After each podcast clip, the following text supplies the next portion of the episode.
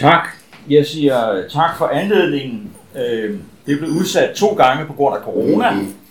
Og øh, en gang, fordi jeg synes, jeg havde brug for et år mere til at forberede mig. Nu blev det så endelig.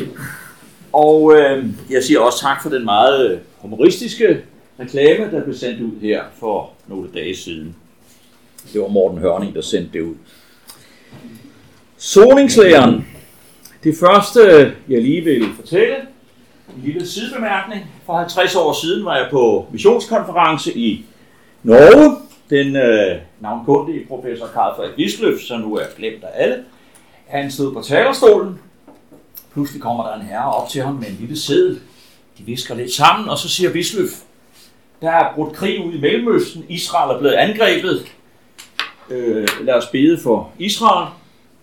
Det var så Yom Kippur-krig. Og den blev jo kendt internationalt under det navn. Det har man så også glemt igen. Men der var altså nogle år, hvor det hebraiske ord for soning kom på alles læber. Og så, øh, oh, det var da ikke så godt, vi skal tilbage fra annonceringen af foredraget. Øh, det er, som jeg forstår det, den tekst, jeg har aftalt med Morten. Øh, skulle det stå anderledes i programmet, så er det for sent at lave det om. Hvordan skal vi forstå soningen af synden og forsoningen med Gud i Bibelen? Det første spørgsmål. Og hvad sker der med Gud i og med Jesu død? Og så er der så øh, lidt undertekst her, der uddyber det. Øh, nu kan jeg allerede se, at der er nogle af jer, der sidder nede bagved, som har svært ved at se. Øh, skal vi ommøblere i lokalet, eller skal nogen have lov at sætte sig højere op, eller hvad? Øh, det. Vi kan ikke få det op på den der. Nej, det kan vi ikke. Øh, nej. Der er, men I kan få alle slicene bagefter, hvis I vil det. Forandrer han sig, så han nu ikke længere er vred. For skud Gud gennem Jesu offer blev det wrath of God satisfied, som vi synger det i en kendt sang, eller er formiddelsestanken snarere udtryk for en græsk hedensk tankegang, mens den bibelske Gud forbliver den samme, og i virkeligheden er giveren såvel som modtageren af Jesu offer. Disse fuldstændig neutrale spørgsmål, som i virkeligheden er meget, meget ledende, nærmest retoriske, lægger jo op til, at der ikke er nogen som helst overraskelser i det her foredrag. Øh, jeg håber, jeg kan præsentere på overraskelser. Jeg kan i hvert fald sige, at jeg selv er blevet overrasket, øh, mens jeg lavede det. Jeg, jeg måtte sådan øh, nuancere, og så bliver jeg virkelig overrasket. Men to spørgsmål altså, hvad er soning, og hvad sker der med Gud i soning? Og det andet er, at jeg vil følge to spor. Nemlig, at jeg vil se på de tekster i Bibelen, der taler om soning og offer. Og de dækker så ikke helt hinanden. Altså, der er nogen, der taler om soning, uden at nævne offer, og modsat. Og så er der en anden gruppe tekster, som jeg vil kalde for vredesteksterne. Ikke alle de tekster, der taler om Guds vrede, men der, hvor man frelses fra Guds vrede. Det første spørgsmål, hvad er soning? Og øh, nu går det alt for hurtigt her. Der er en eller anden grund, så skal man berøre. Hvad er nu det? Ja. Sidder en af de der piletaster fast? Hvad bare? Sidder en af de der piletaster fast på de tastaturer? Det er muligt. Den der. Men anledningen er, at øh, jeg øh, har haft debat med Jehovas vidner gennem mange år. Alt i den kristne tro har jeg været haft op og vende, og det har betydet, at jeg har måttet, øh, hvad skal vi sige, øh, hele tiden overveje med hver eneste tankemønster og så videre øh, formulering, kan det begrundes bibelsk? Og hvad, hvad lægger jeg egentlig i ordene? Og så var der jo debat i øh, 2003, der var en, en periode der på i Christi Dagblad, Præstforeningens Blad, hvor øh, soningen blev bedrøftet. Og det endte med, at jeg havde en debat med Kai Olsen i, i Præstforeningens øh, blad. Og der øh, blev det sådan, øh, hvad skal vi sige, meget øh, påtrængende øh, for mig, og tvang mig til at gennemtænke de her ting. Øh, ja, der er et eller andet galt. Øh, Peter, hvor er du? Nej, den anden Peter Legard. Det er mig. Ja. Det er dig. Kunne du hente øh, mit ekstra tastatur der, for det er nok... Øh, nå. Øh, hvad er soning? Betaler man for en forbrydelse, eller sker der noget andet? Hvad er soning egentlig? Øh, jeg kom en gang ind på et værtshus, det er ikke så tit, jeg er der, men der kom jeg til at tale med en herre, som var meget, meget begejstret for, for Paulus. Øh, han talte i et væk, jeg behøvede sådan set ikke at sige noget, det var den, der førte den samtale. Så sagde han, man sender en dømt forbryder til afsoning. Hvad, hvad er det? Det er et religiøst begreb. Ind i juraen. Hvad er det egentlig, forbryderen bliver sendt til? Hvad sker der med ham? Problemet i den kirkelige debat er, at øh, mange ser klassisk kristen tro sådan, at soning er betaling. Jesus betaler med sin lidelse, og konklusionen er, at Gud er sadist. Og der var en, der skrev sådan her,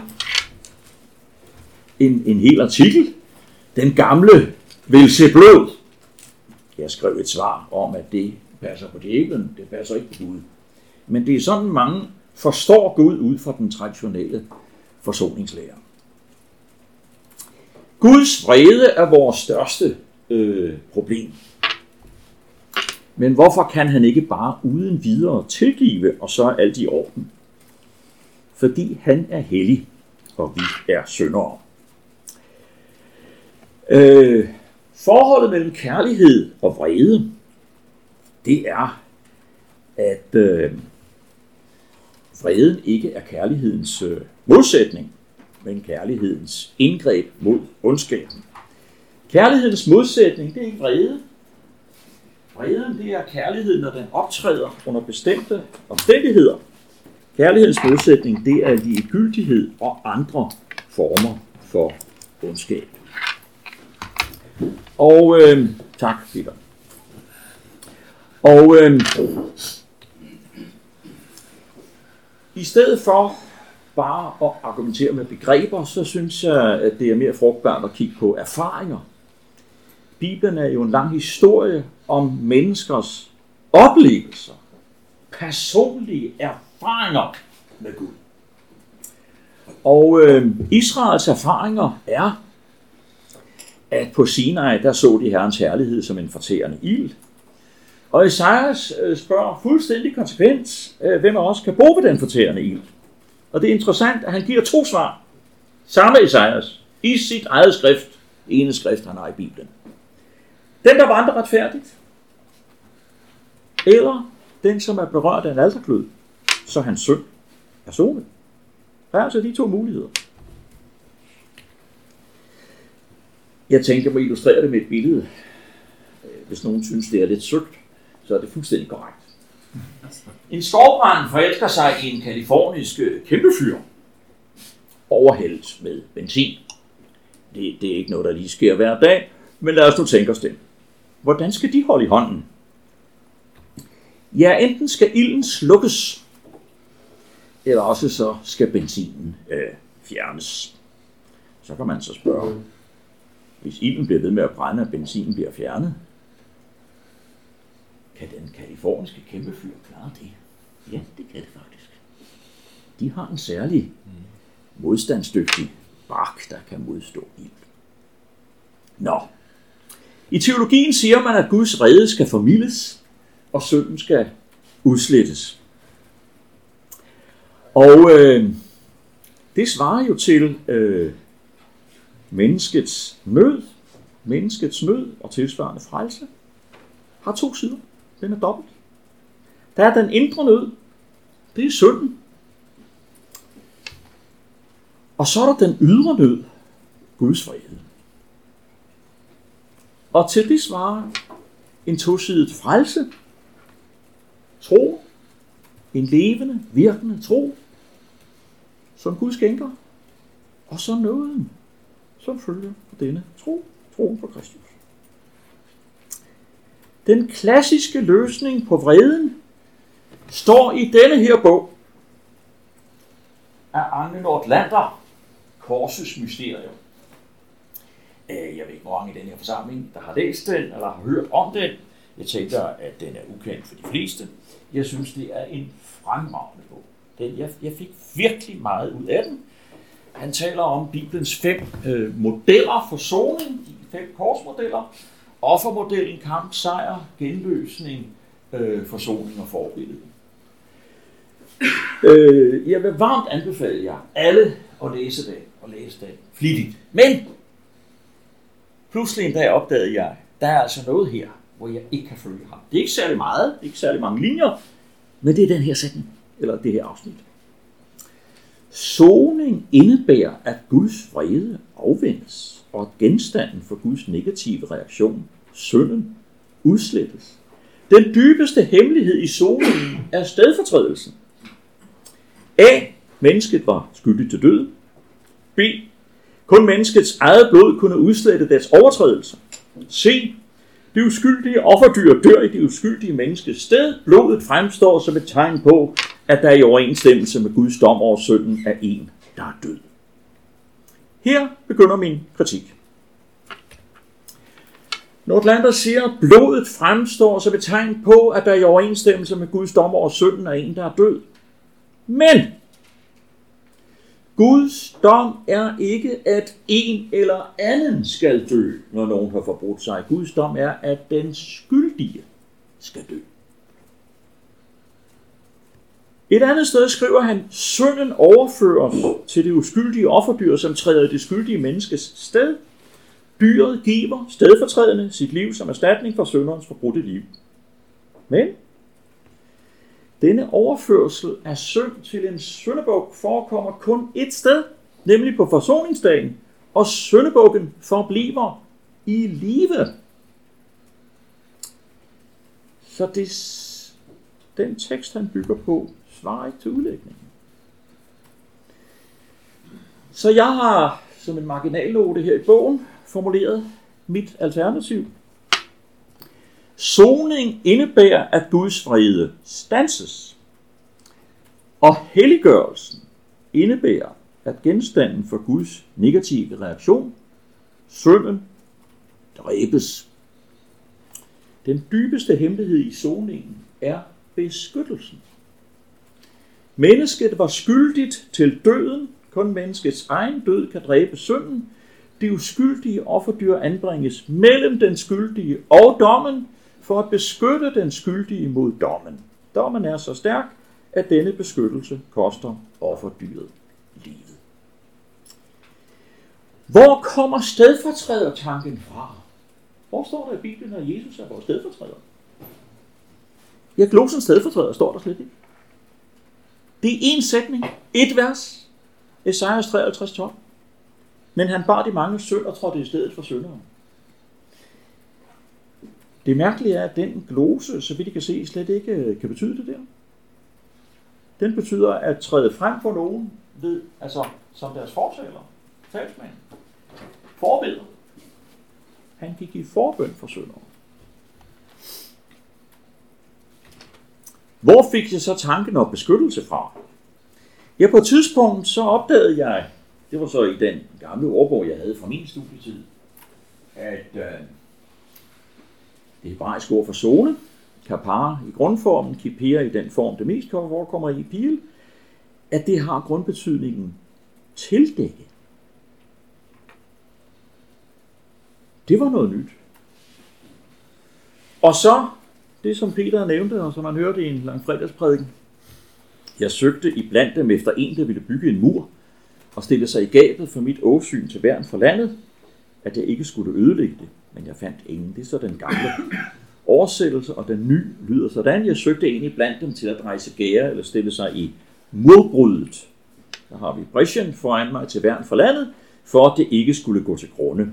Men jeg fandt ingen udtrykket værn øh, det er så hvad skal jeg sige, produceret i oversættelsen. Der er ikke et, en glose direkte, der betyder værn i grundteksten. Det har fået mig til at formulere den her sætning, at det er ikke smerten, der zoner, men det er zoningen, der smerter. Det er altså ikke lidelsen, der løser for vreden, men det koster lidelse at befri nogen fra Guds vrede og dom. Som tiden er gået, så må jeg erkende, at Kiper, som det hedder i Pil, kan diskuteres mere, end jeg oprindeligt troede. Og så på det seneste er jeg også begyndt at overveje, om Ezekiel 22.30 mere handler om forbøn end soning. Det vender jeg tilbage til lidt senere her. Men min konklusion, konklusion er, at når, at når man vil øh, finde det gamle testamentets budskab om frelse fra Guds vrede, så skal man ikke søge i sonings- og offerteksterne, men i vredesteksterne. Nu kigger vi lige lidt mere på Kiper.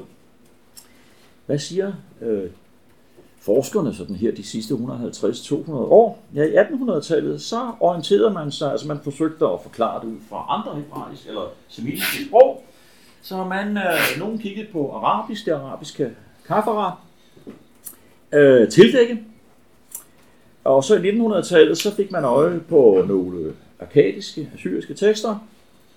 Uh, der er et ord, der hedder kupuro, som betyder tørren eller rense. Og så tales der også om zonepenge i 2. Mosebog 30. De første fødte skal betale zonepenge, så de ikke rammes af, af, af straf, når folket mønstres. Øh, så er man kommet frem til betydningen løskøbe.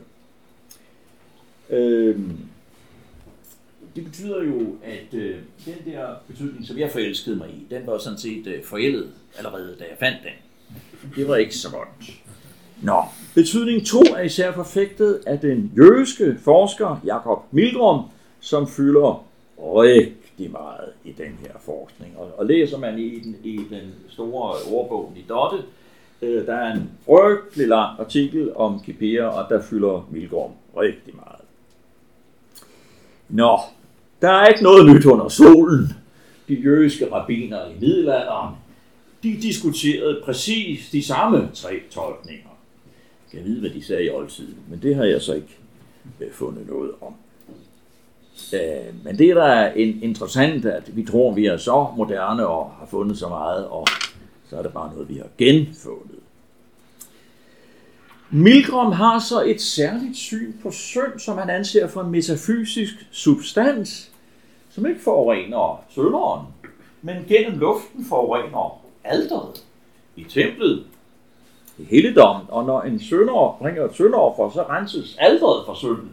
Men hvis der nu står tre sønder på stribe, så går nummer et frem, og så renser han alderet ved sit sønderoffer. Er alderet så rent eller urent? Hvad sker der, når, ham, der kommer bagefter, der skal bringe sit sønderoffer? Ja, så er der en anden øh, jødisk forsker, Yitzhak Feder, nulevende. Øh, jeg tror, det er Israel, han arbejder i på det universitet der. Han har skrevet denne her artikel om Kupuro, Kiper og sproghistoriske sønder, som ikke kan tørres af. Og der siger han, at Kiper aldrig har haft den konkrete betydning tør af, som det, tendens, den tilsvarende glose har på arkadisk, assyrisk. Og derfor stammer den ikke derfra. Så man skal ikke blande de der ting sammen. Han siger så også, næsten profetisk til sidst, i lyset af den foregående drøftelse ser det ud til, at den eneste ordbogsmæssigt forsigtige tilgang kræver en undersøgelse af Kipera, først og fremmest, og måske udelukkende, på grundlag af bevis for de bibelske tekster selv. Ja, der er noget at arbejde med, og det er der så en, der netop har gjort. James A. Greenberg a new look at atonement in Leviticus, the meaning and purpose of Kippur revisited. Den kom i 2019. Det var første gang, jeg skulle have holdt foredraget. Det var godt, jeg fik lidt mere tid. Øh, det er en rigtig spændende bog. Jeg kan ikke følge ham i alt, eller i hans bibelsyn, men jeg må godt nok sige, at han arbejder grundigt med tingene, og jeg kan følge ham i rigtig meget. Øh, det er ikke sådan godnatlæsning på sengekanten. Det, det er, man skal godt nok øh, være vågen der. Øh, det, det, er, det er krævende, det synes jeg. Nå. Han kommer med et kraftigt korrektiv til Jakob Milgrom. Han respekterer ham rigtig meget og tilslutter sig mange af hans resultater. Men siger, som sagt, han, han øh, kritiserer ham for hans syndsforståelse. Det der med, at alderet forurenes. Og så siger han også, at vi skal se på tekstsammenhængen, i stedet for bare ensidigt at fokusere på glosens betydning. Vi må se på hele den sammenhæng, den optræder i. Altså, hvad fører kipere til, snarere end hvad den betyder. Under tiden, siger han til sidst i bogen, kan kipere betyde fjerne. Øh, det er så ikke 3. Mosebog 14, det er 3. Mosebog 4. Øh, øh, nej, det er 14, undskyld. Og under tiden kan kipere betyde forson, og det har vi kapitel 4, ja. Øh, søndofferet og, og skyldofferet.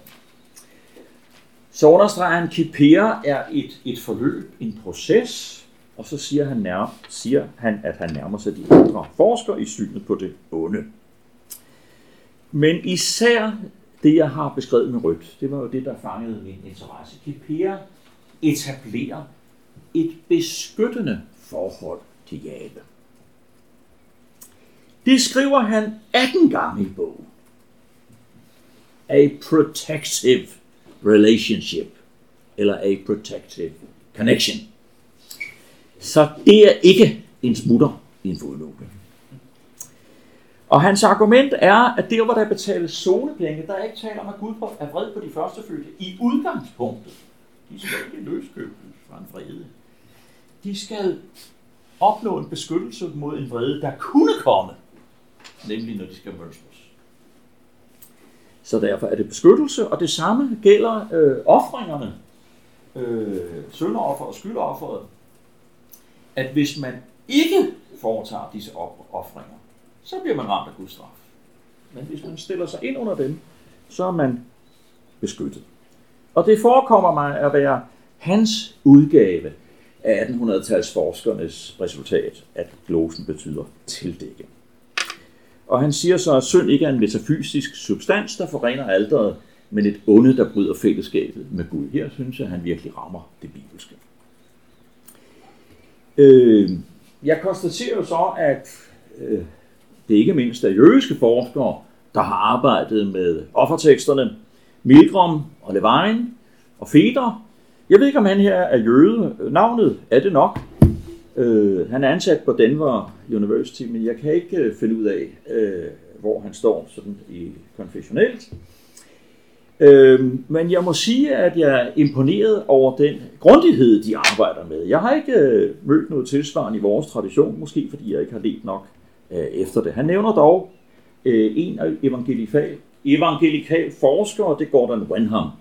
Øh, han nævner ham tit øh, med respekt, og han optræder også med flere bøger i litteraturlisten.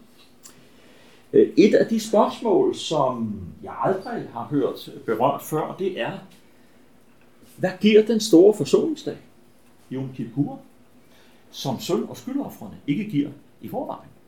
Hvorfor er den nødvendig? Øh, her øh, forsøger han et grundigt svar. Jeg synes dog ikke, han kommer helt i mål, men jeg synes, han, øh, han kommer et, et godt stykke. Jeg har så selv forsøgt at undersøge både udsagsordet og navneordene, der er afledt deraf. Udsagsordet forekommer 102 gange i det gamle testamente. Det er forholdsvis nemt at regne procenter ud.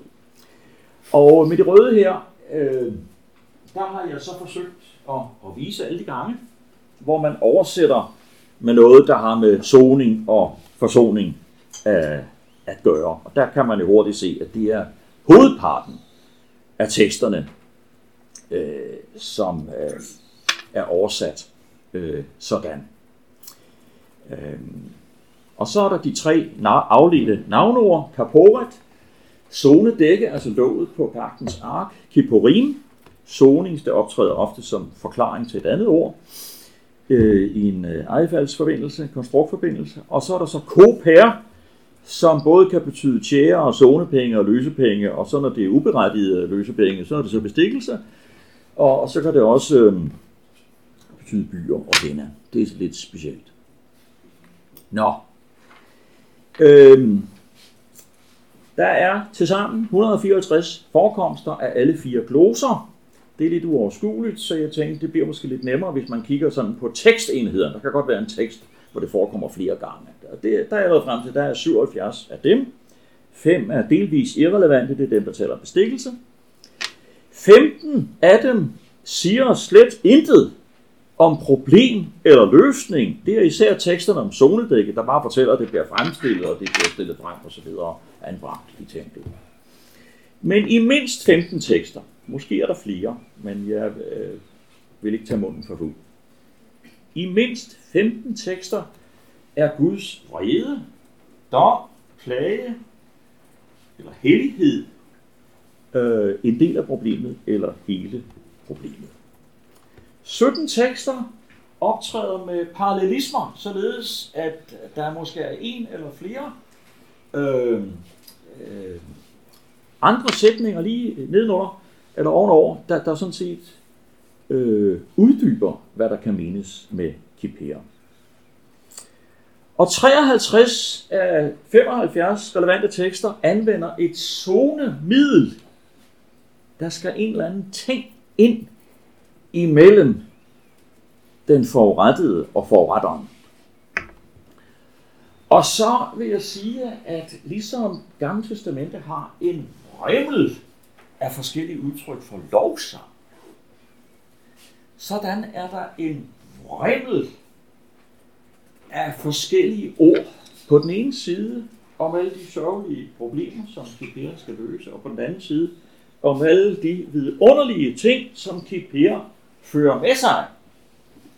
Så her er der virkelig en rigdom til undervisning og prædiken og personlig opbyggelse.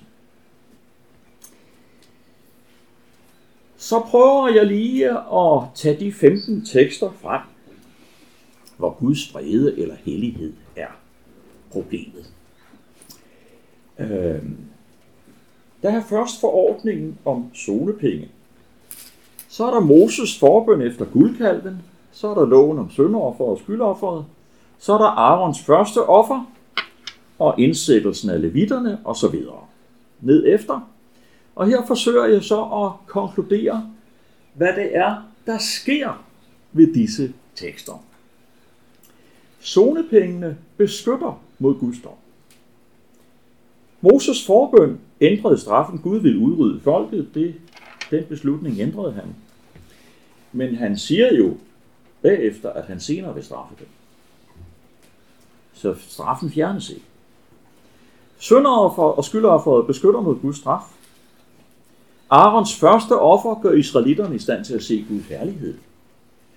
Og Arons offer efter Koras død stansede plagen. Levitterne beskytter folket mod en plage, for Gud de skal, de skal lejre sig i lejren rundt om helligdommen, så de andre ikke kommer den for nær. Og så er der Pinahas' straffeaktion, da de indleder sig med Baal Peor. Den stanser plagen og vender Guds vrede for Israel. Davids offer stansede plagen, det var efter folketællingen. Esajas blev kaldet af Gud, men skulle reddes han glød fra alderet. Kong Hiskia beder Gud zone de urene, som ikke havde renset sig. Det var især dem fra det nordlige Israel. Da de kom til den påskefest, han forordnede og indbød til. Og Herren skånede dem.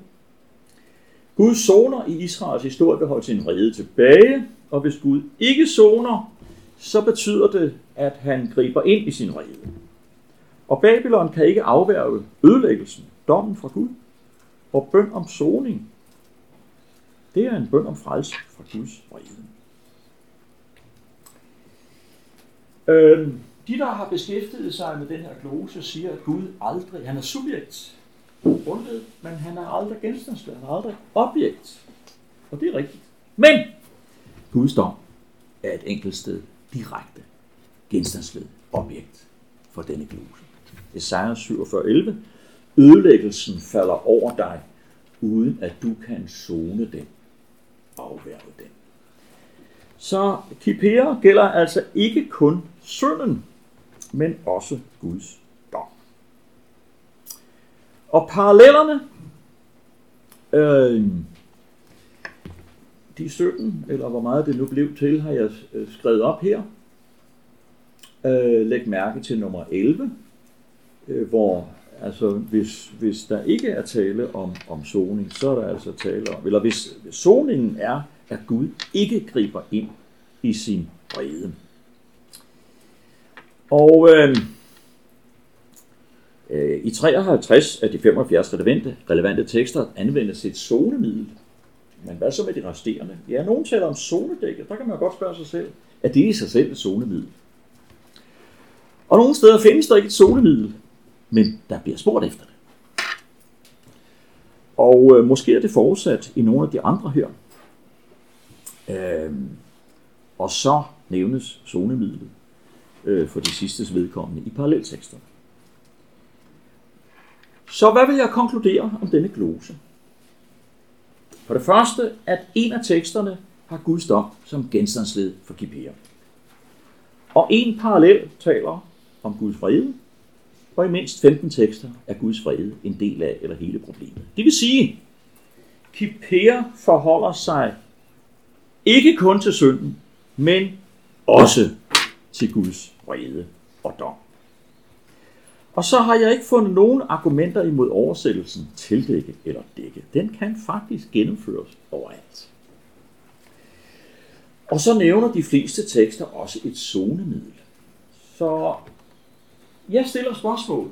Jeg synes ikke, jeg kan besvare det, men jeg stiller det til undren og overvejelse. Betyder Kipera mund også at sætte noget imellem to stridende stammer? Eller to, der er uforenelige?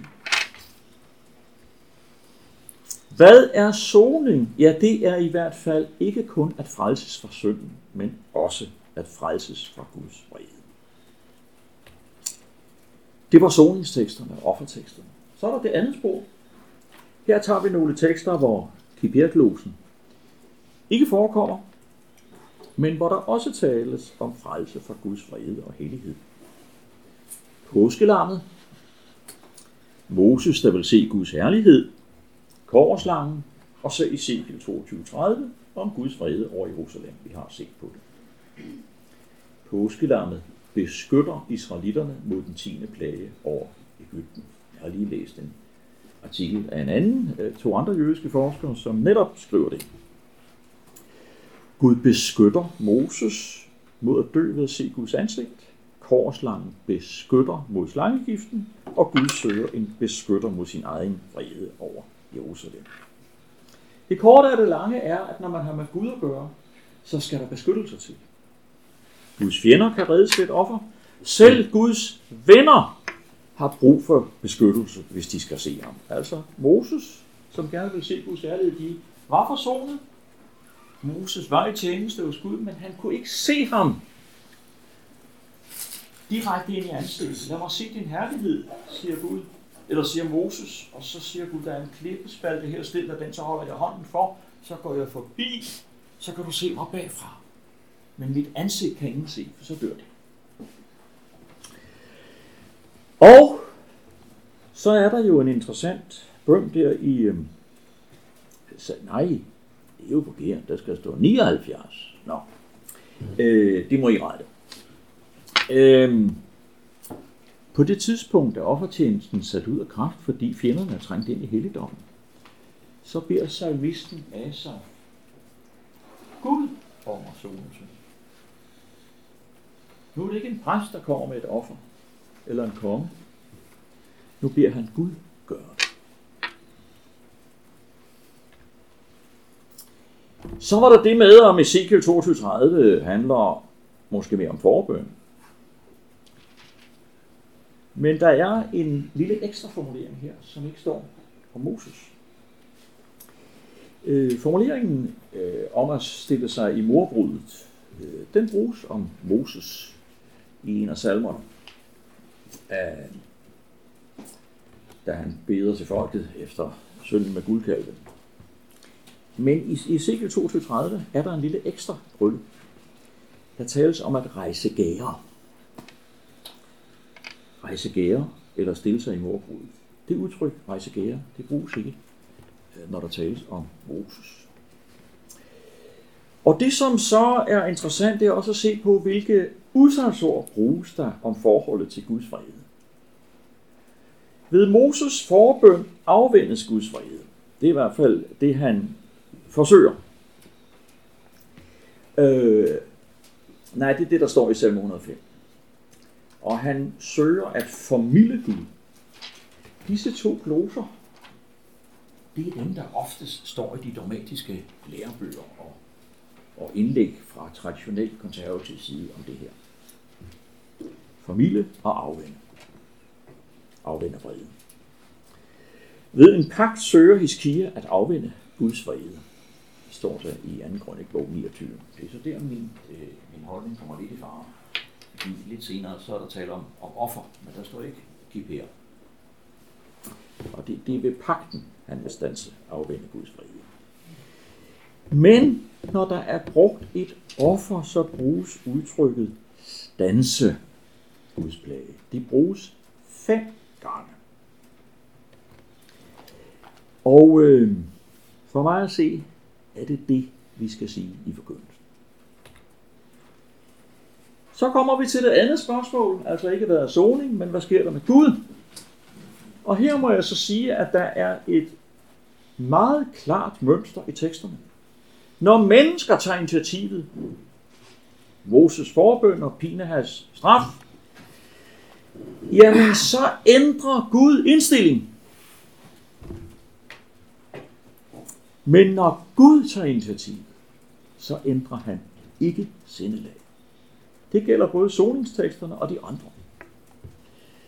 Påskelammen, korslangen, da Gud skærmede Moses på bjerget og så videre, Davids offer, Esajas kald, og da Gud søgte efter en beskytter for Jerusalem. Der står ikke noget om, at Gud ændrer sindelag. Der står ikke noget om, at hans vrede afvendes. Og så er der et enkelt sted, eller i en enkelt person, der kædes de to spor, offer, solsporet, og så, øh, hvad hedder det, det med at stille sig i brudet, de kædes sammen. Moses forbøn øh, har begge, øh, hvad hedder det, øh, terminologier. Kipera bruges i Moses ønsker om, hvad han nu kan gøre. Måske kan jeg skaffe solen for jeres søn. Og øh, det omtales så også, at Moses stiller sig i brudet for at vende hans vrede i salm 106. Hvad er soning? Ja, offer bruges aldrig til at vende Guds vrede, men til at stanse den. Kipper forholder sig mest til synd, hvis vi ser på det sådan antallet af tekster, men forholder sig også til Guds vrede og dom. Frelse Guds, fra Guds vrede handler om beskyttelse. Hvad sker der med Gud? Han ændrer ikke sindelag, når han tager initiativet. Så kommer vi til Ny Testament. Hvad er soning her? Ja, øh, der er græske ord for øh, nogenlunde svarende til dem, vi har i det gamle testamente. Udsagsordet, kipir, det er øh, hilaskomai. Soning, hilasmos, zone dække, det er hilasterion. Men, men zone penge, øh, det forekommer ikke i denne ordgruppe. Derimod er der ordet barmhjertig. Og der er to forekomster af hver, så det er meget, en meget smalt øh, tekstgruppe. Nytest, eller Gammeltestamentets øh, tekster er jo talrige, Nytestamentets er ganske få. Hvad betyder de så? Ja, i klassisk græsk og græsk, der handler det om at formidle en Gud. En af de lunefulde hedenske guder. Og så er der ham, øh, Charles Henry Dodd, som skrev den her artikel i 1931, ikke om Hilasterion, men om Hilaskovej. Øh, hans metode er den, han tager alle kipir-teksterne i det gamle testamente på hebraisk. Og så tager han Septuaginta, alle Hilaskomai-teksterne. De dækker ikke hinanden 100%. Nogle gange er Kipir oversat med noget andet, og nogle gange oversætter Hilaskomai noget andet. Så der bliver altså tre grupper, som han undersøger. Og der synes han, at pilen peger på, at glosen handler om at udslette synd. Øh, jeg må så sige, at når vi slår op på Esajas øh, 47, 11, så overbeviste det mig om, at, at han øh, har ret. Fordi der står jo, ødelæggelsen falder over dig, uden at du kan afværge den. Og der står altså i uh, Septuaginta, det, det er oversat med noget med rense. Uh, så jeg tænkte, ja, han har nok ret i, at i Septuaginta, der, øh, der ser man altså ikke lige så dramatisk på det, som den hebraiske grundtekst. Man, man afstrejfer lidt af det med vreden. Øhm, Dots synspunkt er jo så, at Nytestamentet så at sige udelukkende bygger på Septuaginta. Det tror jeg ikke, han har ret i. Så der er jeg lidt uenig med ham om metoden. Så er der Leon Morris, som jo øh, understreger, at det handler om at, at formidle Gud, propitiate. Min egen øh, konklusion er, at ud fra øh, Kipper, så har, øh, hvad hedder det, altså så længe man bliver inden for den her snævre ramme, så har øh, Hilasko noget med Guds forholdet øh, at gøre også.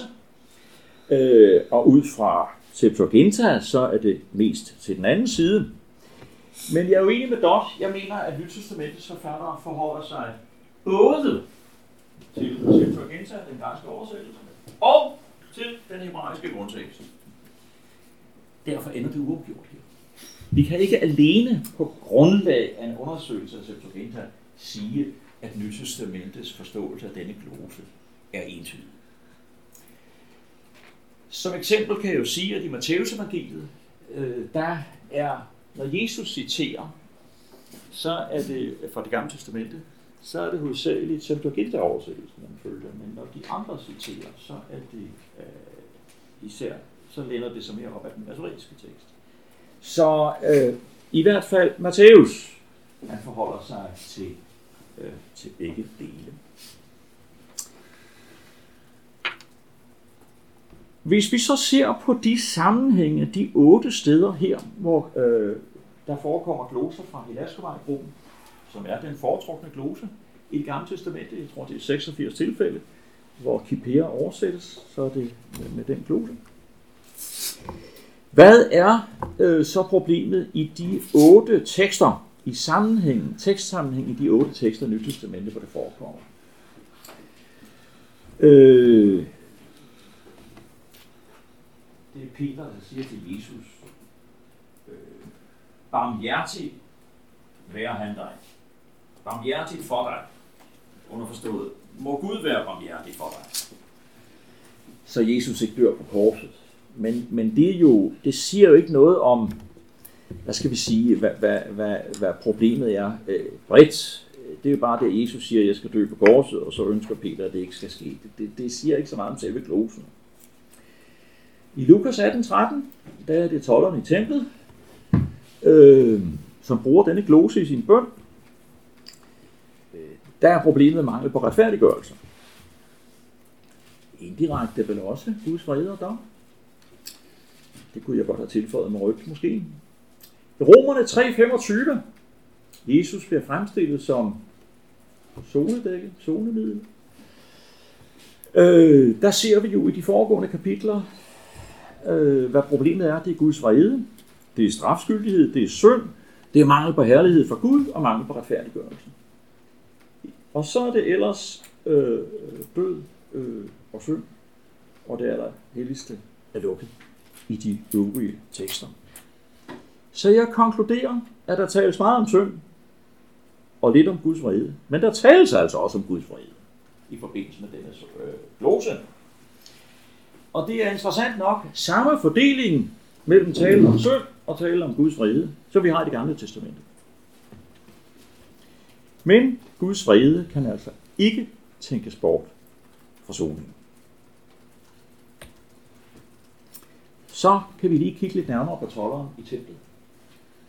Gud er mig, sønder nådig. Eller står der arme sønder, det kan jeg ikke huske.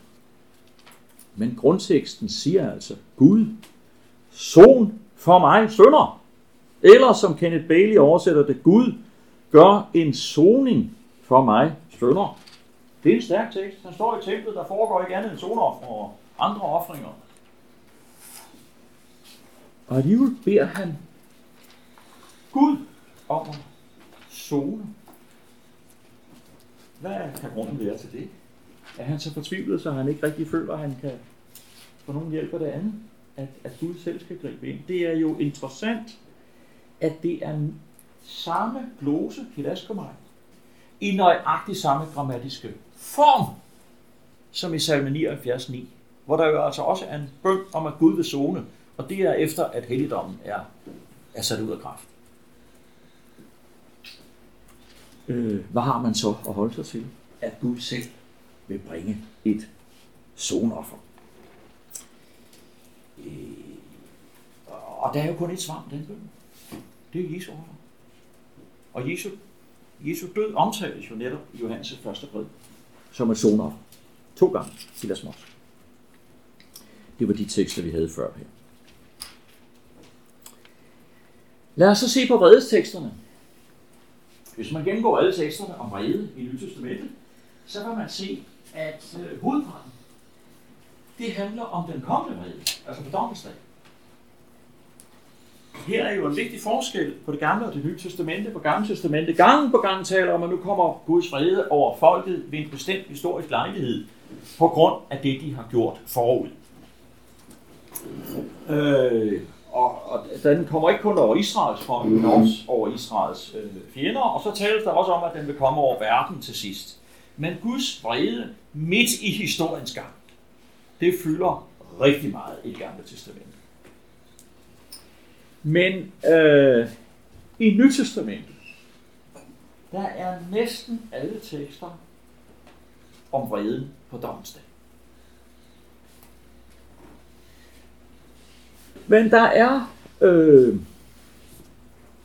der er øh, så nogle tekster, hvor der tales om, at Jesus vil, vil fri os, ønsker at befri os fra denne vrede. Og øh, der er en tekst her, det er Matthæus 23, som jeg pludselig kom til at tænke på, hov, jamen den handler jo også om det her. Øh, og den handler jo om, om beskyttelse.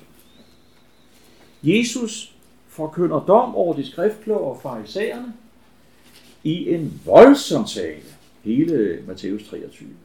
Og så slutter han med det her. Jerusalem, Jerusalem, du som slår profeterne ihjel og stener dem, der er sendt til dig, hvor ofte vil jeg ikke samle dine børn, som en høne samler kyllingerne under sine vinger, men I ville ikke. Jesus vil beskytte mennesker mod den dom, der er på vej. Men I ville ikke. Og så bliver jeres hus overladt til jer selv. Gud forlader templet. Et andet sted taler Jesus om sin død under Guds vrede, men, men ikke, øh, han uddyber det ikke, så, så man siger, at det, det skal beskytte nogen. Skulle jeg ikke drikke det bager, faderen har givet mig? Det siger han, da han bliver arresteret. Så kommer vi til Paulus. Og øh, han forkynder øh, en drastisk løs. Nej, er der lige sprunget noget over her?